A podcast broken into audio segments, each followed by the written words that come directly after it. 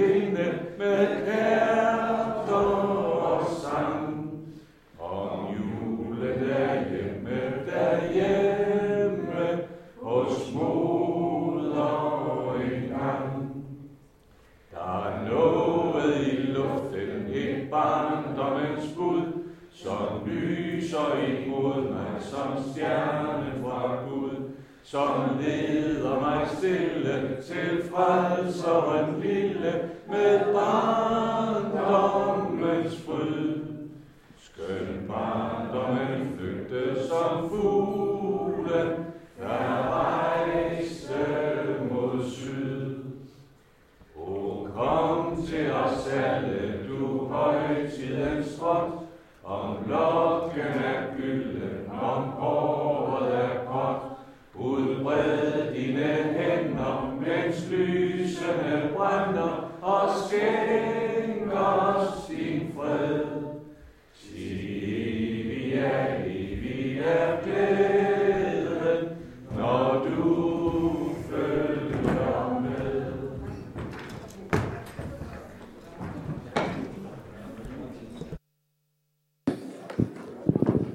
Således kom vi i gang med årets næst sidste byrådsmøde. Vi har en dagsorden udsendt, og sag nummer 1 hedder godkendelse af dagsordenen. Skal jeg høre, om der er nogen, der har nogle bemærkninger til. Det synes ikke at være tilfældet, så den kan vi hermed godkende. Sag nummer 2 handler om økonomisk politik for 2024. Der er det sådan, at på baggrund øh, af det netop vedtagende budget, øh, så skal øh, man jo også revurdere, eller vurdere i hvert fald de, den økonomiske politik, så det også fremadrettet kan danne grundlag for det næste budgetstrategi. Og det, der er sket i den her udkast til økonomisk politik, er jo, at man har videreført stort set alle måltallene fra tidligere, og så er der så øh, tilføjet en målsætning, der handler om ikke at øge den skattefinansierede gæld over tid. Og det handler jo så om, at der også er et renteniveau, der er lidt anderledes, end det var for nogle år siden, og derfor er det selvfølgelig også fornuftigt lige at forholde sig til det, uden at det dog er en fuldstændig øh, nalfast paragraf øh, på den måde, der, der ikke, øh, det er ikke fordi, at det sådan absolut skal balancere år for år, men man skal i hvert fald være opmærksom på det i de beslutninger, man tager, at man ikke gældsætter sig yderligere. Det er i hvert fald det, der lægges op til. Det er der et par stykker, der har bemærkninger til, og den første er Hans Erik Møller. Værsgo. Ja, tak. Og du har fuldstændig ret i, at det er de samme tal, øh, man viderefører. Og det har man gjort i rigtig, rigtig mange år efterhånden. Og jeg kan huske, det var en økonomidirektør, øh, der kom med forslaget. Og han er ikke her i kommunen længere, han er i en anden kommune, men, øh, men det er i hvert fald de samme tal, vi bruger som måltal hele vejen igennem. Og øh, det ved jeg jo godt, og det sagde jeg også til øh, budgetseminaret, at øh, jeg synes rent faktisk, at det var ærgerligt, at det kun er økonomiudvalget, der debatterer øh, de tal og indstiller det til byrådet. Jeg synes faktisk, det var byrådet, der skulle prøve at have en øh, temadrøftelse, hvor man kom meget mere ned i materien i det her. Jeg kan også huske, du svarede mig, Jesper Frost, jamen øko- øh, byrådet har jo mulighed for det, fordi det, det kommer jo til byrådet.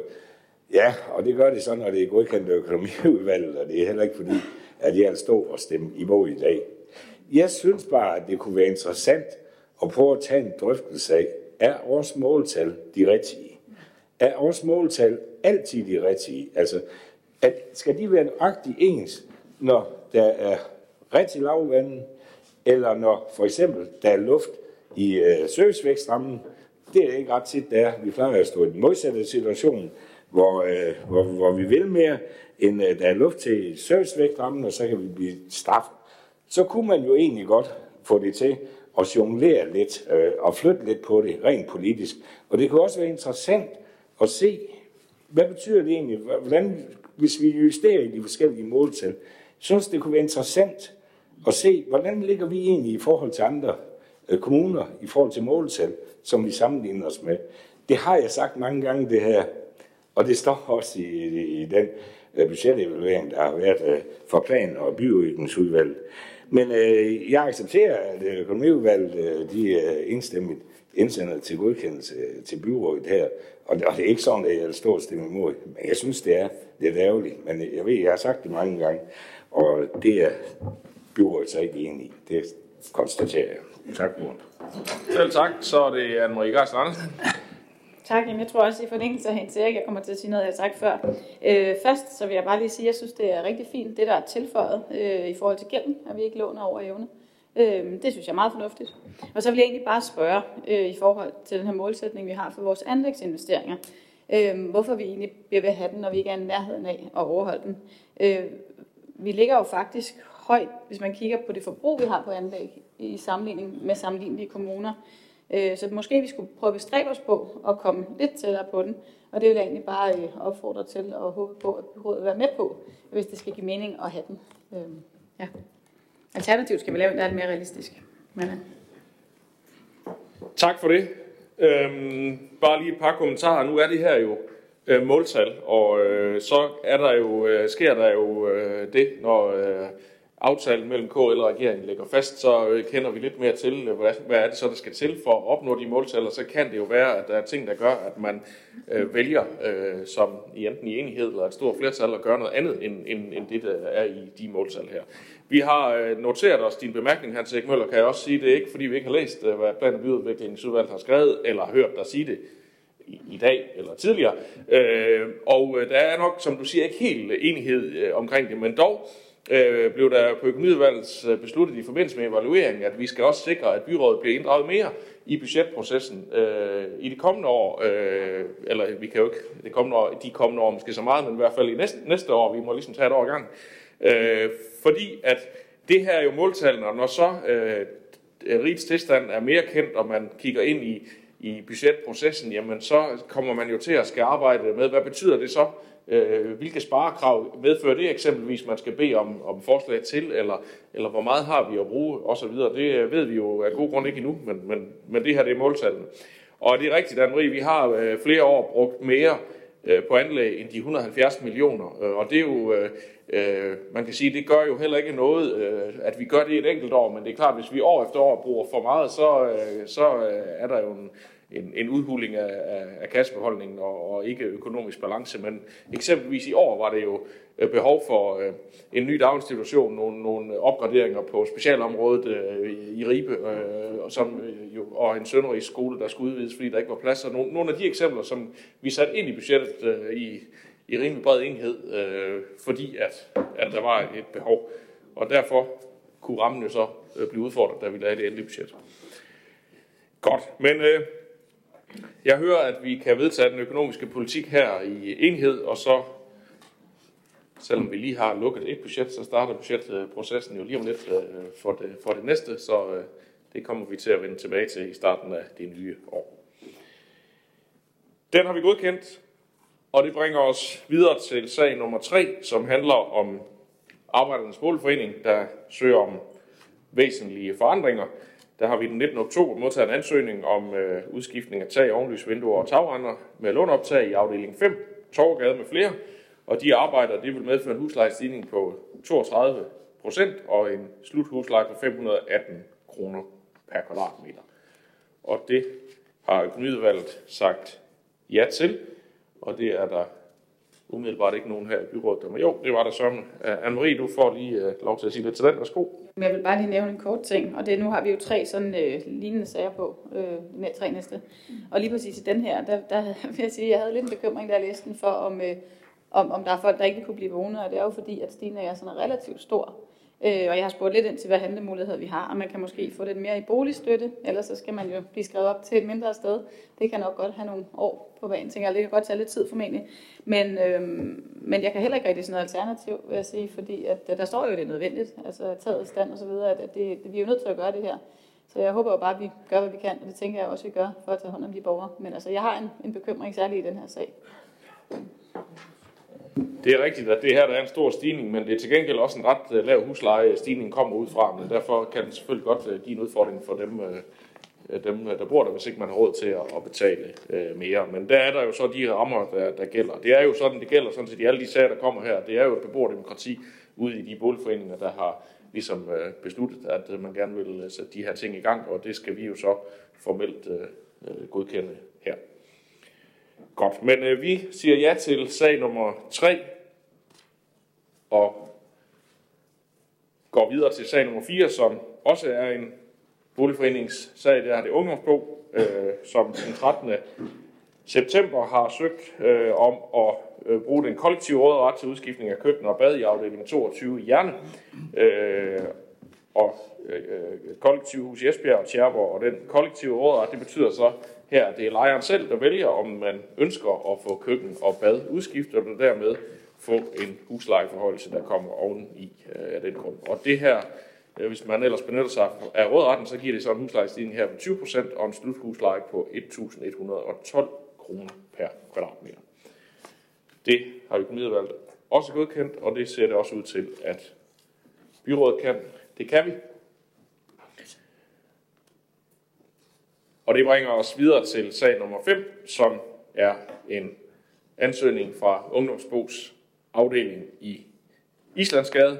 Øh, her er det også den kollektive rådret til udskiftning af køkkener og, øh, og bad. Nej, køkkener i afdeling 44 Islandsgade, og den, øh, det er samme princip, at det er lejeren selv, der bestemmer, om man vil gøre brug af det, og dermed få en huslejestigning.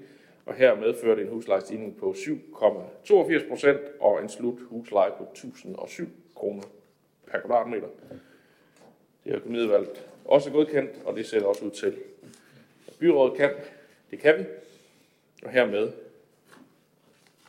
er den sag også afsluttet, og det bringer os videre til sag nummer 6, som handler om afrapportering. Mere tid til kerneopgaven, mindre tid til dokumentation, eller i omvendt rækkefølge måske, men i hvert fald Sundhed- og Omsorgsudvalgets først. Majbrit André Andersen, du får ord til den første sag her. Værsgo. Jamen, tak for det. Byrådet besluttede den 20. juni 2022 at starte et afbiokratiseringsprojekt på henholdsvis ældreområdet og på dagtilbudsområdet. Denne sag den øh, omhandler så øh, en afrapportering på øh, det, vi har arbejdet med på ældreområdet. Projektet har haft det formål at afdække alle dokumentationskrav, regler og administrative opgaver besluttet fra kommunens side, som ikke er lovpligtige. Denne afdækning skulle bidrage til at kortlægge, hvilke dokumentationskrav, regler og administrative opgaver, som skaber værdi for kerneopgaven. Projektet har afdækket, har afdækket omfanget af dokumenter, der arbejdes med i henholdsvis kommunens sygepleje, hjemmepleje og plejehjem. Det viste sig, at øh, det udgangspunkt, vi havde, det var rigtig godt. De digitale fagsystemer, øh, D4, digital håndbog for faglige standarder og instrukser, og det andet system, vi har, Cura, som er et elektronisk omsorgsjournalsystem, fungerer fint og er en øh, integreret del af medarbejdernes hverdag. Derfor har det gode udgangspunkt ikke øh, nødvendiggjort, at der kunne skæres øh, rigtig mange af de her dokumentationskrav, regler og administrative opgaver væk. Fokus har derfor i stedet været på at optimere og surføre begge systemer. På den baggrund der øh, er der i gang sat et arbejde med at gøre systemet D4 endnu mere brugervenligt og intuitivt at benytte, således at det fremadrettet øh, bliver endnu lettere at øh, navigere i og søge de nødvendige informationer frem for, for vores medarbejdere, når de står i situationer, hvor de skal bruge det. Det her fokus på kontinuerlig optimering og ajourføring af fagsystemer stemmer også fint overens med de afbiokratiseringsindsatser, som vi jo laver i regi af Sexby-samarbejdet og i KL, øh, hvor afbiokratisering af fællessprog 3, det er sådan en fælles kommunal metode og standard for dokumentation af den kommunale opgaveløsning på sundheds- og ældreområdet, øh, er blevet igangsat. Det forventer vi kan få en øh, betydning for en forenkling i øh, vores system KURA, hvilket øh, vi også anser som nødvendigt, da KURA i nogle tilfælde giver årsag til udfordringer, Øh, for eksempel ved øh, registrering af medicin. Summa summarum er, at den gennemarbejdede afdækning har vist, at der gennem årene via gode og brugbare digitale værktøjer for medarbejderne ikke er behov for at ophæve et større antal af dokumentationskrav, regler og administrative opgaver besluttet fra kommunens side. Afdækningen er her vedhæftet som bilag til, til sagen i dag, og materialet er blevet drøftet og godkendt i Sundhed- og Omsorgsudvalget, og derfor så indstiller selv samme udvalg øh, til byrådet, at vi, øh, vi godkender den her afrapportering. Tak for ordet. Selv tak. Så er det Karen Sandrini. Jamen, øh, i Socialdemokratiet, der hylder vi bare, at vi, at vi, gør, at vi har i gang sat den her proces øh, for at forenkle arbejdet for, øh, for, øh, for det nære sundhedsvæsen, han har sagt i vores kommune. Øhm, og øh, hvis man, når man sidder og læser bilagene igennem, så kan man jo godt tænke, at så mange, så mange ting har vi jo heller ikke sløjfet. Men fordi at man over, over de sidste par år har sløjfet en rimelig mange krav allerede i forvejen, så var der faktisk ikke så meget at fjerne. Øhm, og stadigvæk så har vi, der er stadigvæk rigtig mange dokumentationskrav, og hvis man sidder som menig personer egentlig ikke er inde i det, kan man godt tænke, at der er rigtig mange krav stadigvæk. Men i og med, at det har været et meget intens samarbejde med sundhedspersonalet, så, øhm, så har vi forenklet det, og de synes, at øh, det her det er den måde, som de har lyst til at gøre det på, og deres arbejde kan optimeres på den her måde. Mm. Så det er i samarbejde med, med det nære sundhedsvæsen, at vi har øh, foretaget netop øh, de, eller skåret de krav væk, som, øh, som, øh, som vi mente øh, var øh, overflødige. Tak for det. Selv tak. Så er det Anne-Marie Geisler Andersen. Jo, tak. Det er lidt en anden boldgade, og det er, at øh, det har undret mig noget, da jeg sad og læste dagsordenen til i dag, at vi skal godkende den her sag, når vi lige om lidt får en lignende sag på øh, til orientering øh, fra børne- og, børne- og skoleudvalget. Øh, der har vi ikke været helt konsekvente. Øh, og grunden til, at jeg nævner det, det er, fordi jeg som øh, ja, byrådsmedlem finder det lidt svært at skulle godkende en sag som denne, fordi der er tale om en afskaffelse af noget mere dokumentation dog end på børneområdet, hvilket jo som udgangspunkt er positivt. Øh, men når så mange bestemmelser bare er listet op, uden sådan nærmere forklaring, så har jeg rigtig svært ved at vide, hvad, hvad det reelt er, vi siger ja til. Og her, der må jeg jo så have tillid til øh, udvalg og forvaltning.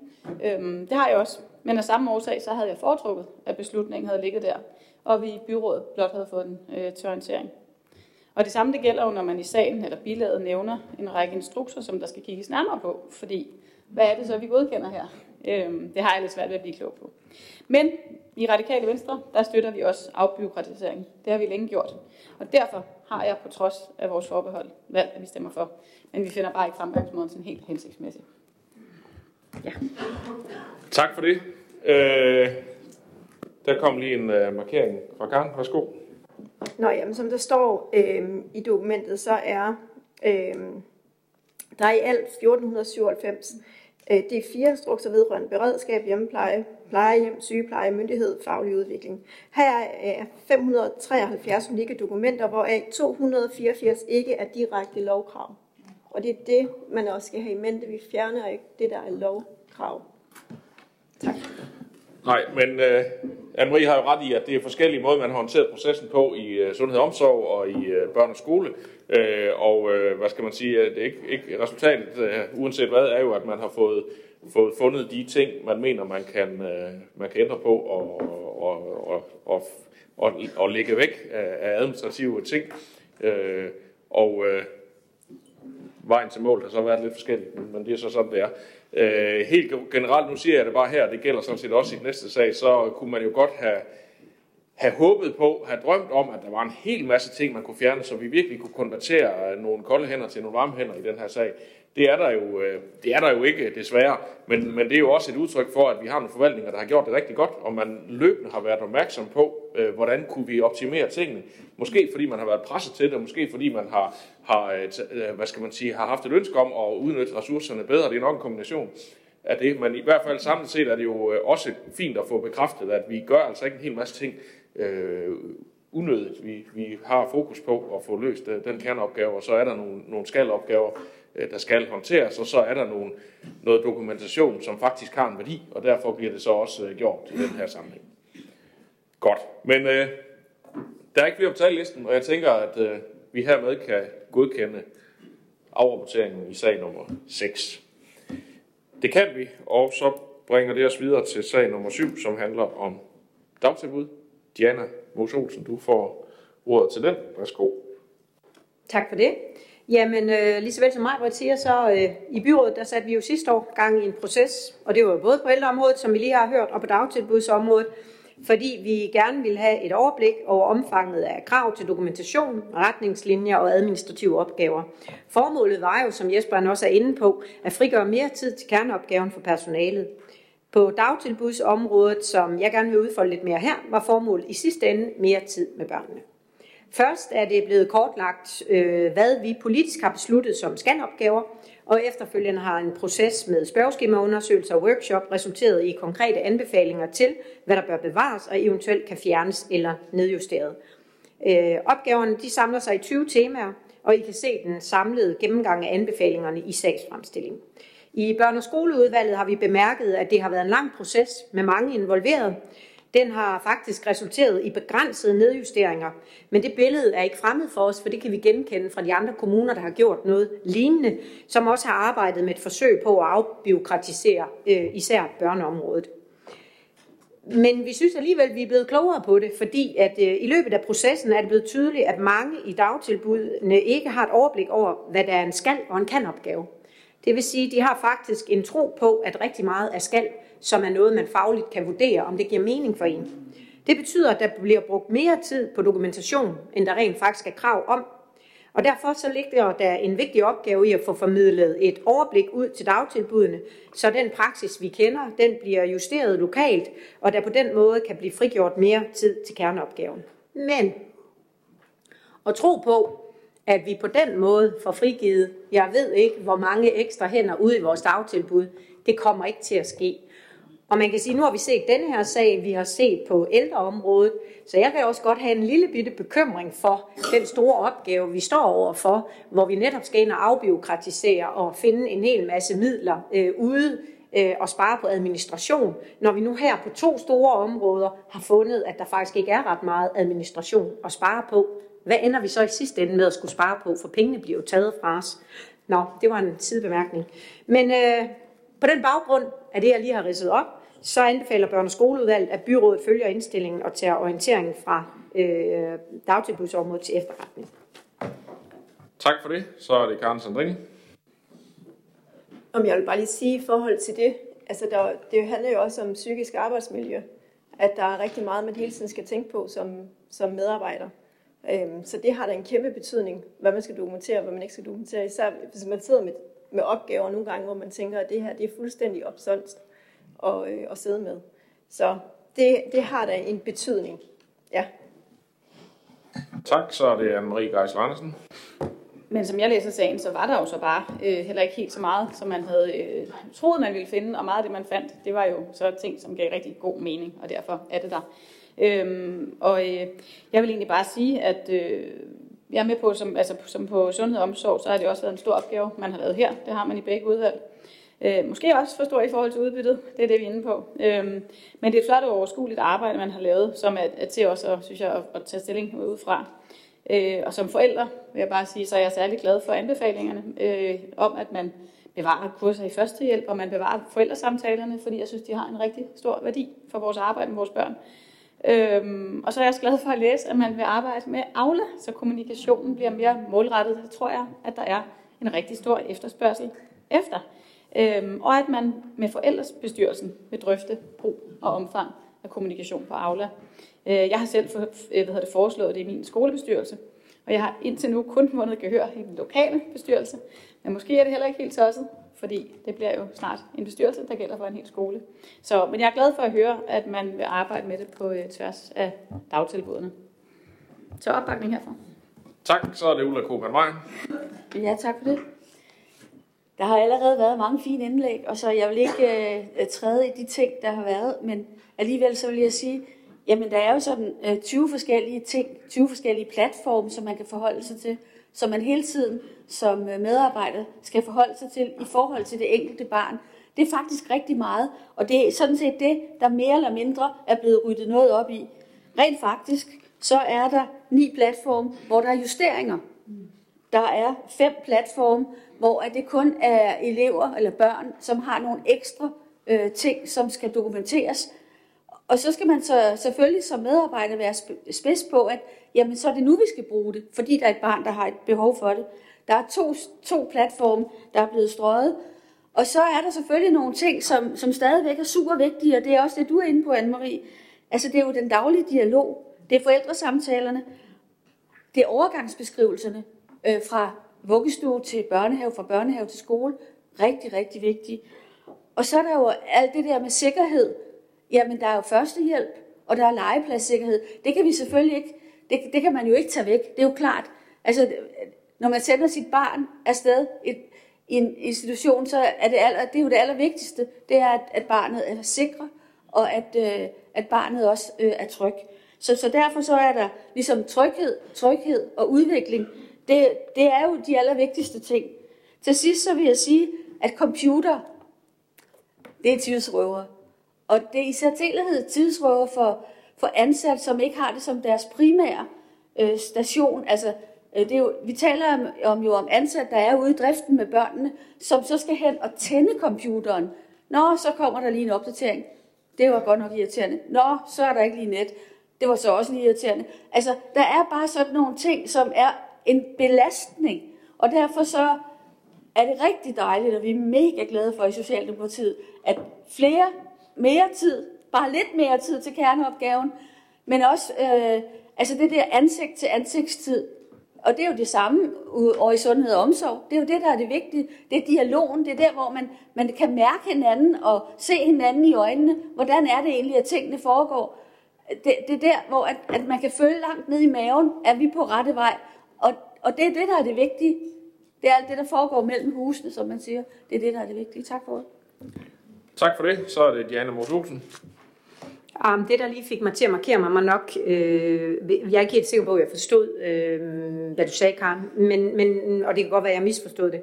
Men årsagen til, at jeg havde en bekymring, var jo ikke fordi, at jeg er i tvivl om, at det er godt, at vores medarbejdere øh, finder ud af øh, nogle af de ting, der giver mening for dem i hverdagen, at øh, det skal vi bevare, og det, der ikke giver mening, det skal væk. Det er jo, sådan set ikke, det er jo ikke det, der var udfordringen. For mig er det en udfordring, at det stadigvæk bliver i talsat, som om, at vi har en lang række byråkratiske ting, som vi ude decentralt i kommunerne har besluttet, som vi bare kan fjerne, og på den måde frigøre nogle midler, vi kan spare, fordi vi bliver trukket på blokken.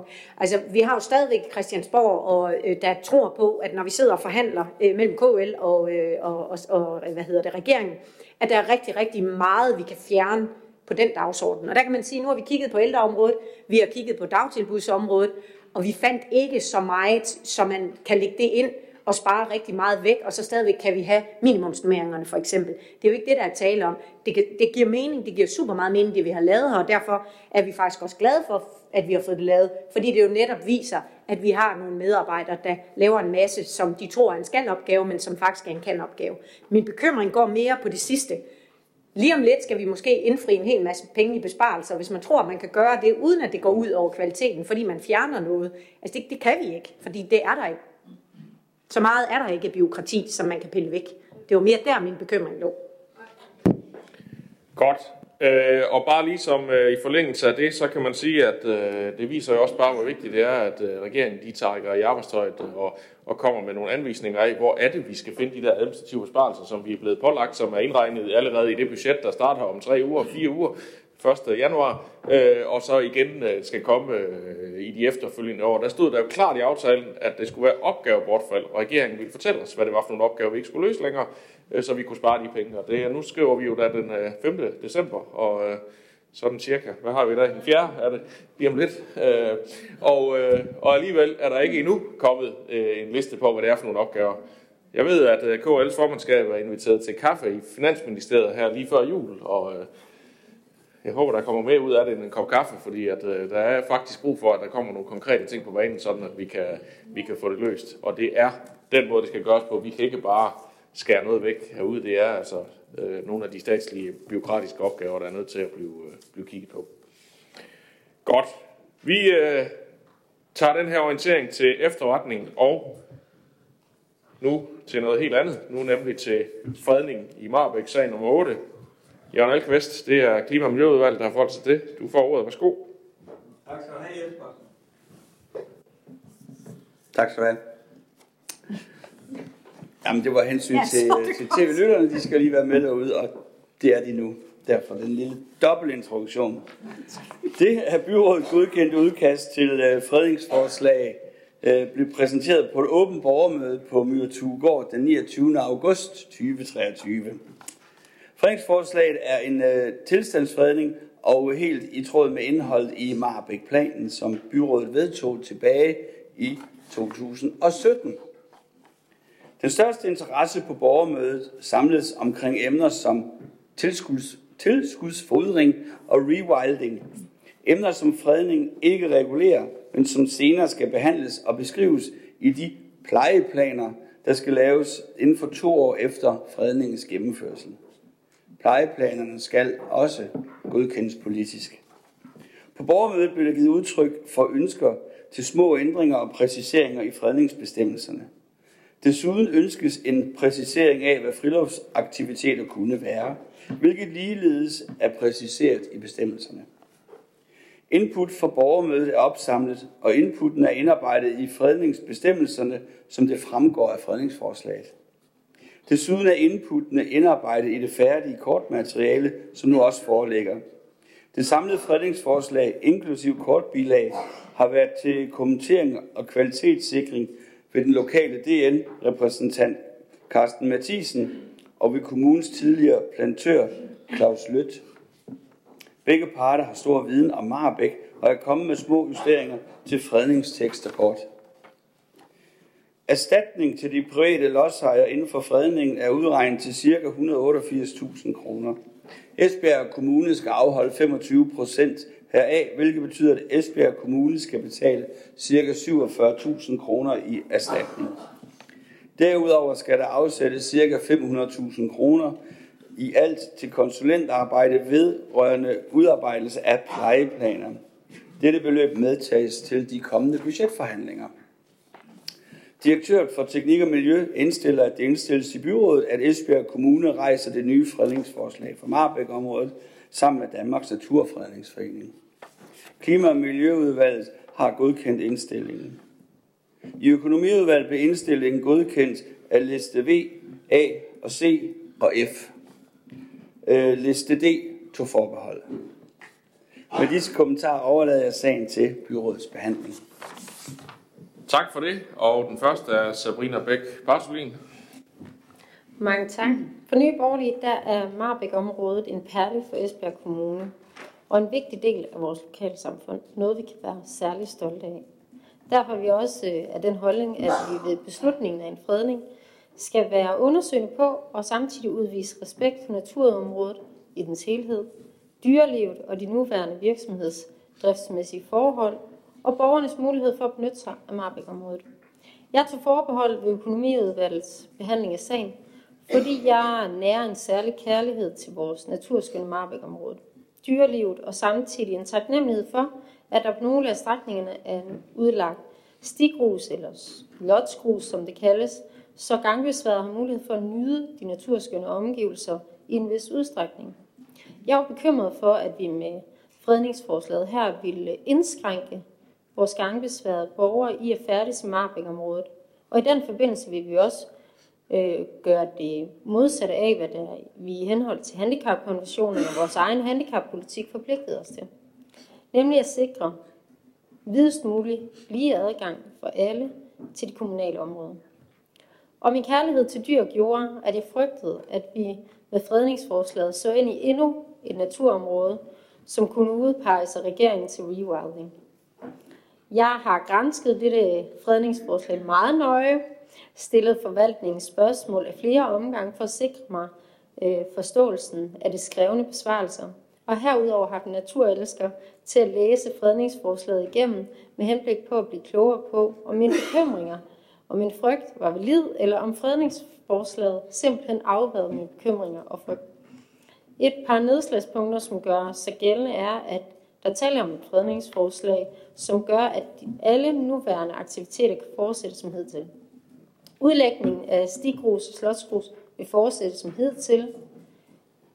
Det er for mig også et vigtigt element i hele fredningsforslaget, at der ikke modsættes vildt på kommunalt eget arealer, og det betyder, at der heller ikke kan ske rewilding med udsættelse af heste, kvæg eller lignende dyr med den her fredning. Derudover synes jeg, at det er nærliggende at bemærke, at der ikke lægges et råstofsudvindingsudpeget område inden for selve fredningsarealet, men uden for fredningsområdet. Så på den her måde, så hindrer vi heller ikke regionens forpligtelser i forhold til at sikre og facilitere udvinding af nødvendige råstoffer. Så tusind tak til alle, der aktivt har indgået i en dialog med mig, øh, med skeptisk mig, øh, og besvaret mine spørgsmål. For på den baggrund, alle de her samtaler og besvarelser, så kan jeg i dag stemme for fredningsforslaget. Jeg ser frem til, at vi forhåbentlig kan få en god dialog omkring den kommende plejeplan, før den lægges op til økonomiudvalget og byrådet. Så tak for det. Selv tak. Så er det Kurt Bjerg. Tak. Øhm, ja, jeg er faktisk lidt overrasket over, at vi, øh, vi er nået hertil. Øh, da DN, DN de, øh, eller Naturfredningsforeningen indledte den her proces, øh, der var jeg faktisk meget betænkelig. Det er jo er det ikke tre år siden, de havde et, et møde ude i Hostrup, hvor de fortalte om de første planer, og der blev jeg noget rystet. Oplægget det vil føre til en omfattende omlægning af området, som også vil påføre Esbjerg Kommune en, en meget øh, omfattende øh, udgift i form af mistede indtægter på skovdrift og noget dyrere øh, drift i øh, af, af området. Det gav jo en, en del politiske diskussioner omkring, Esbjerg Kommune skulle være medrejser af fredningssagen, som de bad os om. Det har vi jo brugt noget tid på i vores udvalg, og det var jo også tæt på at komme i byrådet. Det nåede det så ikke. Og vi blev jo så beskyldt for at være lidt langmodige, øh, politisk langmodige, så den blev rejst alene af DN. Og det udløste jo som bekendt en storm af protester fra lokalbefolkningen. Der er rigtig mange, der har et, et rigtig øh, nært og, og, og, og kære meget om Marbæk, og, og det betyder meget for dem, at man kan, kan, kan færdes i området. Heldigvis så valgte DN, på baggrund af de mange protester, at trække ansøgningen og starte forfra. Og denne gang gav det med en mere lyttende holdning til, hvad Esbjerg Kommune og hvad lokalbefolkningen ønskede. Så nu er det endt med en fredningsansøgning, som vil bevare det, der er, mere end at lave det om, og som rigtig mange borgere har stor glæde af. Det er en faktisk allerede dengang, at Esbjerg Kommune har gjort rigtig meget godt ud. De vil gerne bare lige speede processen op fremtidigt. Så vi er jo i Klima- og Miljøvalg, der er vi ret bredt enige om at uh, anbefale, at vi vil rejse sagen uh, sammen med DN over for fredensnævnet. Så fra at være irriteret over DN, så vil så da vi fra andre områder, så er nu anerkende, at foreningen har indgået en god og konstruktiv dialog med vores forvaltning. Så jeg vil anbefale byrådet til at stemme for, at vi rejser sagen her.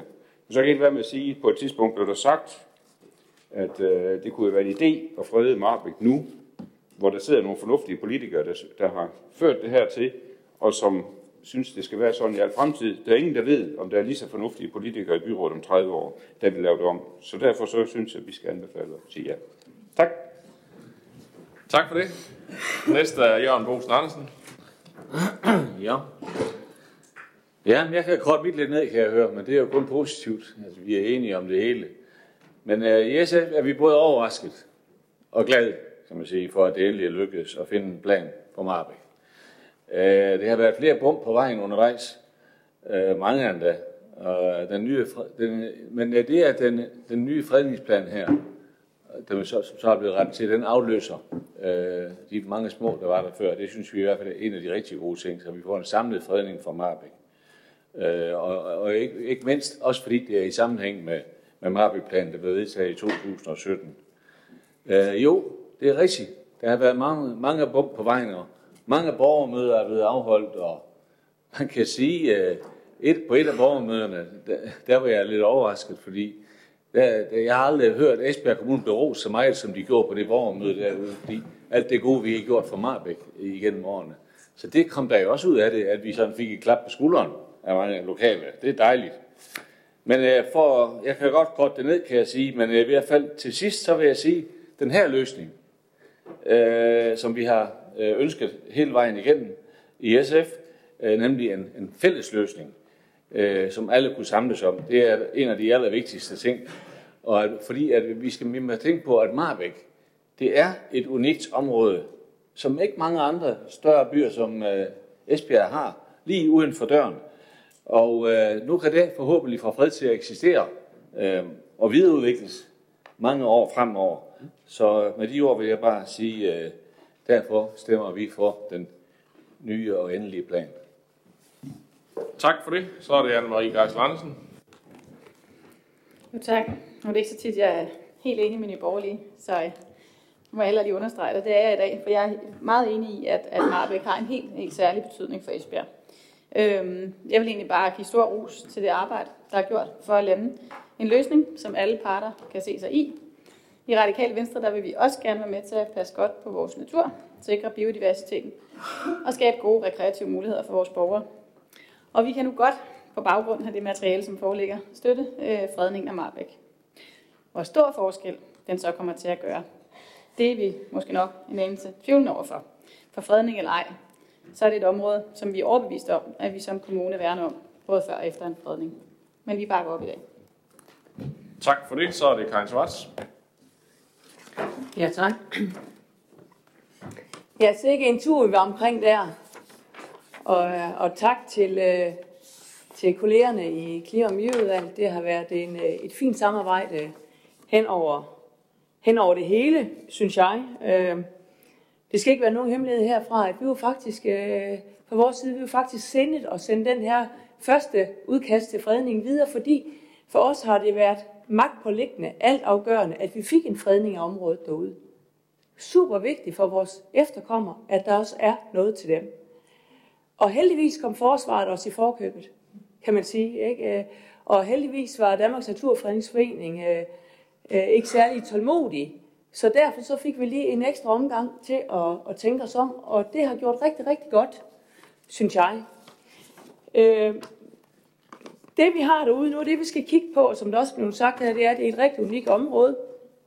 Længst mod nord, ud, længst mod vest også, ud mod Håbugt, et rigtig smukt område, som faktisk er givet tilbage til Esbjerg Kommunes borgere, kommunens borgere for, øh, til et rekreativt område af, af sagføren, der, der var det sagfører.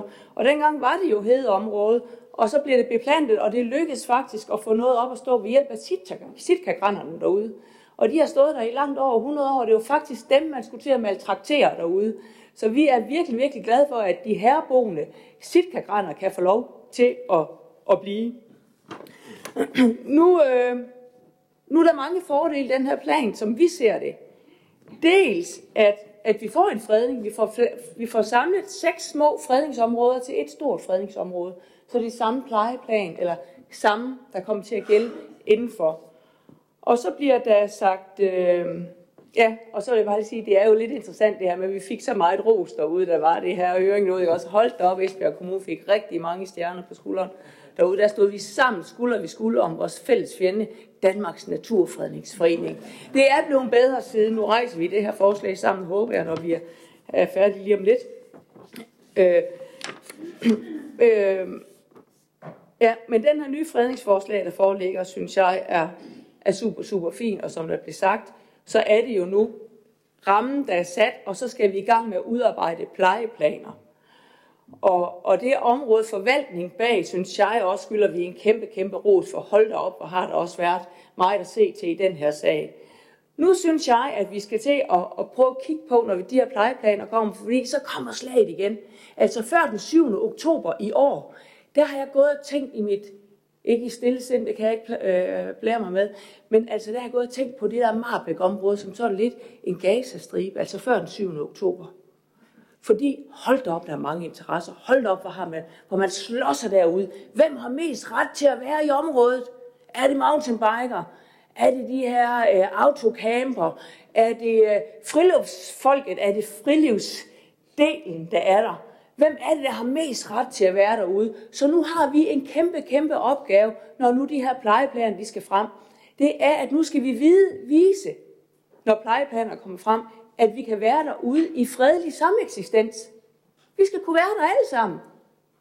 Nu skal vi også kunne stå sammen. Nu har vi taget det første skridt i en rigtig retning. Nu skal vi også kunne stå sammen om, at vi alle sammen har lov til at være derude. Vi skal behandle stedet ordentligt. Og så det her med, at der er forskellige interesser. For eksempel så har der været meget omkring de her langhøjede kvæg, som er så flotte at se på derude, og som børnefamilien tager ud og kigger på. Men der skal vi også bare være klar over, at når fredningsplanerne måske bliver udarbejdet, så er der måske ikke plads til så mange derude, for vi ved jo godt, at når der bliver gødet meget i et område, så kommer der jo også en helt anden fauna til. Så det skal jo passes og plejes og være i balance, i overensstemmelse med det, som er derude, og som vi gerne vil ved bliver det med at være der. Vi er glade for den proces, der er kørt, og vi er super tilfredse med, at vi nu kom frem til at kunne sende noget til fredningsnævnet i fredelig sameksistens. Så tak for ordet. Selv tak. Den sidste på tallisten, det er Dino Selimovic.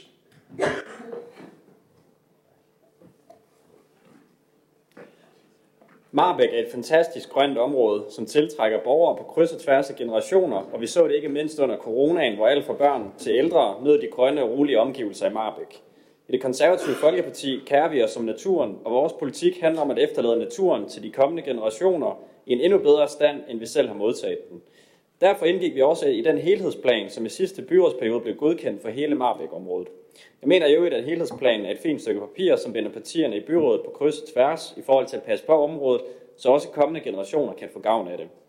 Når vi i det konservative Folkeparti bakker op om den endelige fredningsplan i dag, så omhandler det en ændret tilgang fra Danmarks Naturfredningsforening, der tog tidligere kritik til sig, ændrede tilgangen til hele sagen fra It's My Way og The Highway til en mere konstruktiv tilgang, og dermed sørget for en god involvering og samarbejde med Esbjerg Kommune, som også har resulteret i en god inddragelse af alle borgere, som har en interesse i Marbæk.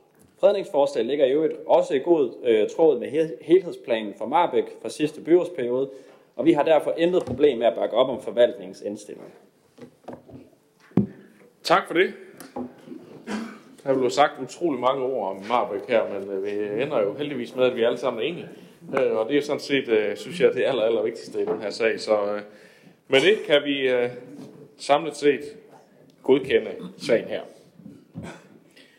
Det bringer os videre til sag nummer 9, som handler om noget helt andet. Vedtægter for Energist. Jørgen Alkvist, det er også Klima- og Miljøudvalget. Værsgo. Ja, tak.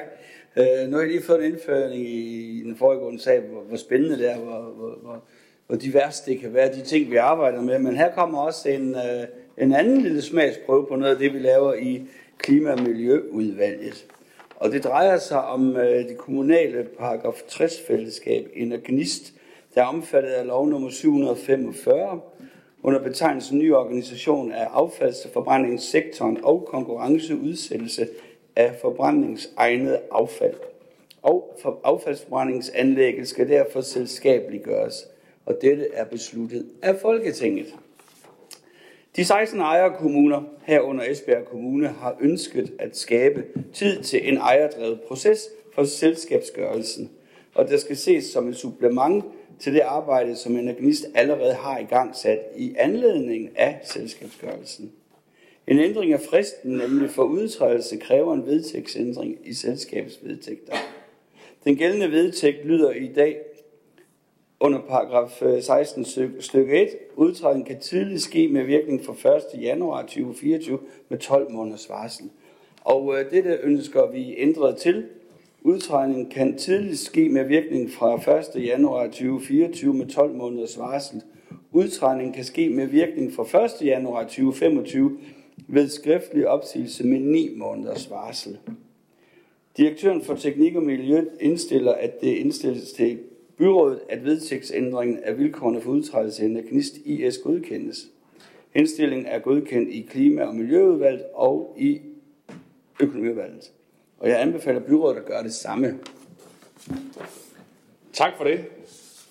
Det, øh, tror jeg, byrådet kan. Øh, det er jo også, øh, hvad skal man sige, den lette del af sådan en sag her, når der er rigtig mange kommuner, der skal være enige om, hvordan er det, man kører videre, når nu øh, noget er blevet pålagt, at det ikke kan fortsætte, som det gør nu.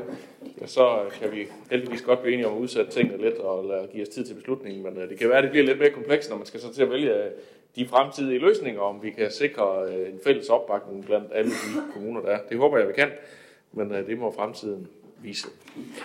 I dag har vi i hvert fald godkendt vedtægtsændringerne her, og det bringer os dermed videre til sag nummer 10, som også handler om vedtægter. Nu er det for de kommunale kirkegårde, en sag fra Plan- og Byudviklingsudvalget, og der formanden er fraværende, så er det næstformanden, der får lov til at forelægge den. Carsten Deinbol, værsgo. det, og jeg starter med en en, øh, hvad kan man sige, en, en jordnær sag, øh, der, som har taget noget tid. Den 17. september 2018 godkendte byrådet vedtægter for de kommunale kirkegårde. Vedtægterne blev herefter sendt til kirkeministeriet til endelig godkendelse. Det har desværre ikke været muligt at opnå endelig godkendelse, hvorfor teknik og miljø endnu en gang har revideret den. Ministeriet henvendte sig med rettelser, der ikke øh, kun vedrørte de ændringer, som byrådet havde godkendt, men også andre ændringer til tidligere godkendte vedtægter. Det var desværre ikke muligt at nå enighed med Kirkeministeriet på daværende tidspunkt, og derfor er vedtægterne endnu ikke godkendt. Kirkeministeriet, Kirkeministeriet skal godkende vedtægterne, inden de når at træde i kraft. Teknik og miljø håber at opnå godkendelsen, så vedtægterne kan træde i kraft primo 24. Jeg vil derfor anbefale, at byrådet følger både plan og miljø og økonomivalgets indstilling. Der er ikke øh, nogen, der markerer på det, så det ser det ud til, at vi kan. Øh, Det er jo, ville også være ærgerligt efter fire og et halvt års sagsbehandlingstid, hvis vi ikke kunne, øh, kunne komme til det. Det har vi hermed gjort. Og det bringer os så videre til sag nummer 11, som handler om kommuneplan og lokalplanændring. Også en sag for plan- og byudviklingsudvalg. Carsten, så du får lov til at fortsætte. Tak for det. Og det er, synes jeg, er en, eller synes vi, er en meget, meget spændende sag. Øh, I juni 2022 vedtog plan- og by, øh, byudviklingsudvalget at i gang sætte planlægning for et boligområde og et centerområde på den tidligere Esbjerg Højskole. Forslaget til kommunplanlægning og lokalplan for området har været i offentlig høring i perioden fra den 8. februar 23 til den 6. april 23. I denne periode er der indkommet i alt 19 høringssvar, 81 underskrifter mod planerne, og Miljøskændningsafgørelsen er blevet påklaget. For at imødekomme høringssvarene har bygherre foreslået ændring i lokalplanen vedrørende etageareal og bygningshøjde. Forslaget til lokalplanen med foreslåede ændringer har været i to års supplerende høring, der er indkommet fire høringssvar. Området ønskes realiseret med forskellige typer af etagebyggeri med et markant tårn på hjørnet af Spangsbjerg Kirkevej og Stormgade. Bebyggelsen varierer i højden og skal opføres med varieret i variationer i arkitektur og bygningstyper. Der skal være tale om levende område med arealer til fælles ophold, som eksempelvis overdækkende atriummiljøer. Områdets særlige beliggenhed med direkte adgang til Vognsvedparken og den grønne ring, som supercykelstien i Esbjerg bymidte, giver mulighed for at skabe et meget attraktivt byområde med rammerne for god liv og forskellige, for forskellige målgrupper. Forslaget til kommuneplanen og lokalplanen for området har været i offentlig høring i øh, perioden fra den 2. februar 23 til den 6. april, april 23. Bygherre har ønsket at de mødekommer høringssvarene på flere punkter, og derfor blev der foreslået nogle ændringer i lokalplanen. Disse ændringer vedrører navn, øh, navnlig højden på bygge, by, by, bebyggelsen og etagearealet. Bebyggehøjden ønskes reduceret med således øh, fra 14 etager, altså 50 meter, fra tidligere 20 etager til 70 meter, og etagebyggeriet på Nybri udgør i alt 25.000 kvadratmeter. Så er der lige lidt også i forhold til klimadelen, som selvfølgelig også betyder noget. Området ligger til indfaldsvejen og cykelstinetværk, blandt andet til Esbjergs bymidte. Derudover er der gode muligheder for offentlig transport. Fremtidige beboere og brugere af området vil derfor få gode muligheder for at transportere sig bæredygtigt til og fra området. Området anvendes allerede i dag til bymæssigt formål, og en del af de eksisterende bygninger i området skal bevares og renoveres. Fortætning og renovation af eksisterende by er mere bæredygtigt end byggeri på en bar mark. Hele, hele- hele planen her flugter rigtig meget også med det, vi i kommunen, øh, vores nye strategi i forhold til øh, erhvervelse af, af jord. Jeg vil foreslå, eller anbefale, at øh, beslutningen fra planen i byudvalget og økonomivalget bliver godkendt. Tak for det. Hans Erik Møller. Ja, tak. Og Carsten han kom jo godt over om øh, selve projektet. Men øh, vi vil også lige give det en par ord med på vejen. Det er jo den gode gamle højskole, grund derude, som øh, nu øh, skifter helt fuldstændig rolle. Vi synes, det er et rigtig, rigtig, rigtig spændende projekt. Vi synes også, at det er et projekt, hvor man tager enormt meget hensyn til det område, man skal øh, lave projektet i. Øh, man kigger meget faktisk på at bevare ting, gamle træer, alt muligt andet. Men vi vil også meget gerne virkelig rose bygherren. Jeg synes, det er herligt at se, øh, at man sender det i høring, og høringssvarene kommer ind, og så bygherren helt frivilligt virkelig tager de høringssvar til efterretning og laver så mange ændringer, som man har gjort her, blandt andet i bygningshøjden og andet.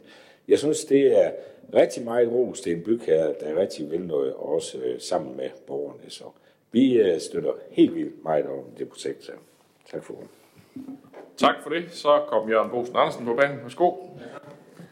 Det er ikke fordi, jeg er uenig med noget af det, men øh, vi synes i hvert fald også øh, godt om, han- øh, om lokalplanen og øh, lysningen omkring den gamle højskole. En god central beliggenhed, det må man jo sige, det er. Også i forhold til Midtbyen. Der er jo lidt adgang, både hvis man cykler, eller hvis man skal øh, gå eller løbe, eller med kollektiv trafik, så, øh, så, kan man, så kan man jo let komme dertil. Man kan jo sige, som han siger, jeg også var inde på, det her det er jo sådan set byfortætning på den helt rigtige måde, i stedet for at man plasker noget ind øh, alle mulige andre steder, hvor der ikke er plads til det. Her er det gennemtænkt plan, og man bygger det på en god måde. Mange grønne øh, ting i området, øh, det er der jo allerede nu, men også de nye tiltag, der kommer sammen med bygherren, det synes jeg også er meget øh, fint. Begrønning i området er det virkelig lagt vægt på. Det kan man jo se på visualiseringerne derudfra. Og så også det med, at der er mulighed for at lave grønt på nogle af de flade tage, det er også spændende. Vi kan jeg kom til at tænke på en, studietur, vi var på til Malmø, hvor, hvor man sådan set planlægger, der planlægger man også med forskellige facader, både materialer og farver, forskellige højder på husene, og mere levende bybillede, som fungerer altså fint, når det er bundet sammen med vand, blomster og grøn bevoksning.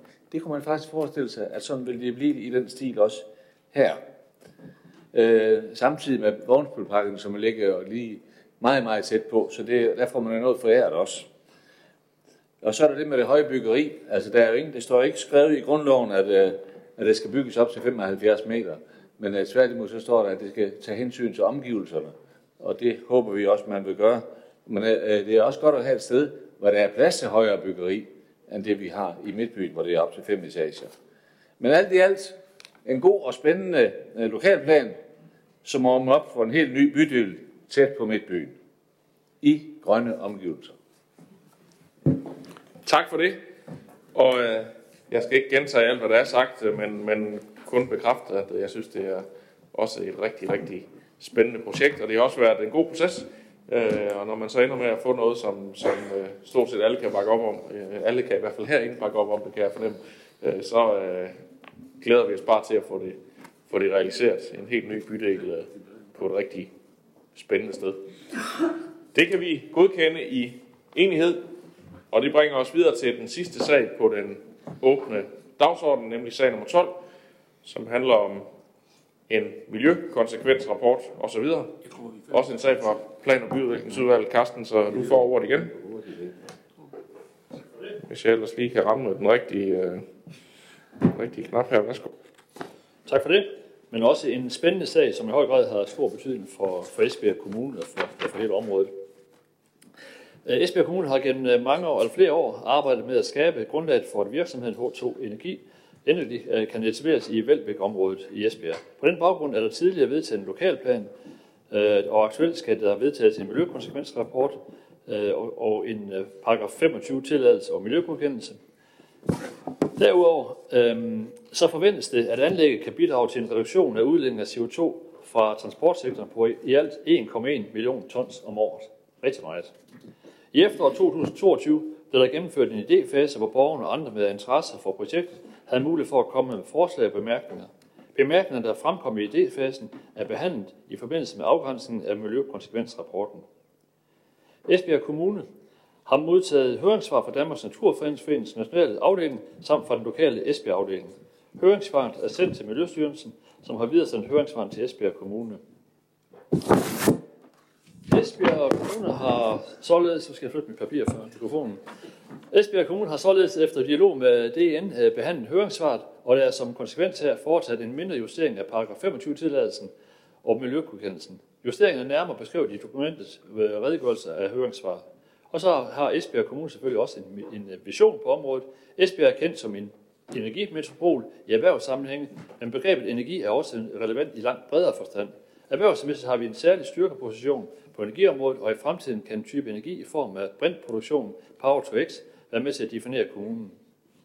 Og jeg vil derfor anbefale, at vi følger indstillingen fra øh, Plan- og Byudviklingsudvalget, hvor der er afbud fra Musa, Otto, og derefter er økonomivalget også godkendt, eller anbefalet den, og det vil jeg også gøre. Tak for det. Så er det Jørgen Bosen Andersen. Tak. Klimatiltag, som Carsten Deinbull han er inde på, og initiativer til at imødekomme Øh, den grønne omstilling, det er meget vigtigt. Derfor er det også vigtigt, at vi efter et par år kommer videre med øh, det her PTX-projekt. Vi støtter op omkring godkendelse af miljøkonsekvensrapporten og paragraf 25-tilladelsen og endelig vedtagelse af miljøgodkendelsen. Der er nemlig kun er indkommet et enkelt høringssvar, fra, og det er fra Dansk Naturfredningsforening. Danmarks Naturfredningsforening. Af, af sagsfremstillingen fremgår det, at der har været afholdt øh, møde mellem DN og forvaltningen på Esbjerg Kommune med henblik på at drøfte DN's øh, kommentarer og høringssvar. Og det fremgår også, at der er lyttet til øh, høringssvarene. Og øh, det er præciseret, øh, at nogle af de punkter, der er været peget på, at dem er, øh, som DN har peget på, de, dem er der taget hensyn til i det endelige projekt. I SF er vi derfor trygge ved at følge indstillingen i dag. Der imødekommer, øh, det imødekommer også vores ønsker øh, om at, at få flere konkrete tiltag iværksat. Nu er vi heldigvis nået et skridt videre med at realisere endnu et stort grønt projekt i Esbjerg Kommune. På PTX-anlægget, som vi har på programmet i dag, kan man jo sige, at det er i hvert fald et stort projekt. Endda på den helt store klinge. Og øh, som også øh, kommer til at gøre en stor forskel, både i klimaindsatsen, øh, både her øh, og den grønne omstilling, ikke kun i Esbjerg, men i hele landet. Det medfører, at vi får et PTX-anlæg med en god beliggenhed, der kan fremme, fremstille ammoniak og, øh, og, øh, og brint i stor skala, som herefter kan eksporteres direkte ud fra Esbjerg Havn. Vi må ikke glemme, at planforslaget har en væsentlig indflydelse på miljøet. Og det skal vi selvfølgelig tage alvorligt, og det gør vi jo også. Nu er miljøkonsekvensrapporten bør jo sikre, at etableringen her er miljømæssigt forsvarlig. Endelig har vi også bemærket, at DN's miljøpolitiske rådgiver øh, på DN's øh, vegne angiver, at det er positivt at anvende et affaldsprodukt, i dette tilfælde spildevand, i, i de grønne teknologier. Blot det gøres miljømæssigt forsvarligt. Og det synes vi, det gør her. Derfor kan vi følge indstillingen. Tak for det. Så er det Anne-Marie Geisel Andersen. Tak for det. I Radikale Venstre, der er vi også meget optaget af, at vi gør alt, hvad vi kan øh, på klimadagsordenen, og ser også gerne, at vi som kommune går foran på det område. Og på den baggrund, der støtter vi også øh, opførelsen af Power to X, og derfor også øh, den her sag. Når det så er sagt, så er det en temmelig stor sag at sætte sig ind i som enigt byrådsmedlem. Som byråd, så skal vi nemlig vedtage de her værk, som miljøkonsekvensrapporten nu engang er. Og her, der må jeg bare være ærlig at sige, at jeg som ene repræsentant for mit parti, og med det arbejde, der ligger i det, bliver nødt til at have tillid til forvaltningsbehandling, til øh, fagudvalgets behandling øh, og til de øh, høringsparter, der giver deres besøg med. Og derfor så har jeg også i min stillingtagen været rigtig glad for øh, Dansk Naturfredningsforenings øh, grundige høringssvar, som jeg har lænet mig op ad. Både på baggrund af deres indsigt i området, men også fordi PFAS, som jo er noget af det, de adresserer, også bekymrer os meget i Radikale Venstre. Jeg har jo derfor bedt om øh, at få forvaltningens svar på Dansk Naturfredningsforenings spørgsmål om håndtering af det spildevand, som indgår i processen, øh, samt risikoen for udledning af PFAS med mere. Og på baggrund af de meget øh, konkrete svar, vi har fået, der kan vi i Radikale Venstre godt støtte sagen. Men jeg vil meget gerne bede om, at forvaltningens svar på Dansk Naturfrednings, Naturfrednings, Danmarks Naturfredningsforenings høringssvar bliver lagt på sagen. Og i så fald, så kan vi godt stemme for. Tak for det, og øh, det kan vi sagtens gøre, fordi det er jo et helt officielt dokument øh, i forvejen, så det er der ikke, øh, synes jeg, nogen problemer i. Øh, og dejligt, at øh, vi er nået så langt her, og at der også er bred opbakning til det der er masser af udfordringer stadigvæk, inden man sådan kan realisere det. Eksempelvis øh, øh med det fantastiske koncept, man arbejder på med at bruge spildevandet øh, oprenset til øh, som kilde. Der skal bruges rigtig meget strøm til Power men der skal altså også bruges rigtig meget vand, det det, der skal spaltes. Øh, ja, kan vi få fundet løsningen på det? Det har vi sådan set den tekniske løsning på, men reglerne og rammerne øh, er ikke på plads endnu. Der er ikke nogen, der har prøvet det før. Der er ikke lov hjemmel til det. Så der er sådan lige lidt øh, bearbejdning for at få, øh, få den del også på plads. Så der er rigtig mange andre udfordringer, men øh, nu er vi en ting på plads ved at have godkendt øh, øh, de miljømæssige forhold i dag, og det er dejligt, at der er bred opbakning til det. Så hermed er sagen godkendt, og det var også afslutningen på den åbne del af mødet, så tak fordi I kom og kiggede med.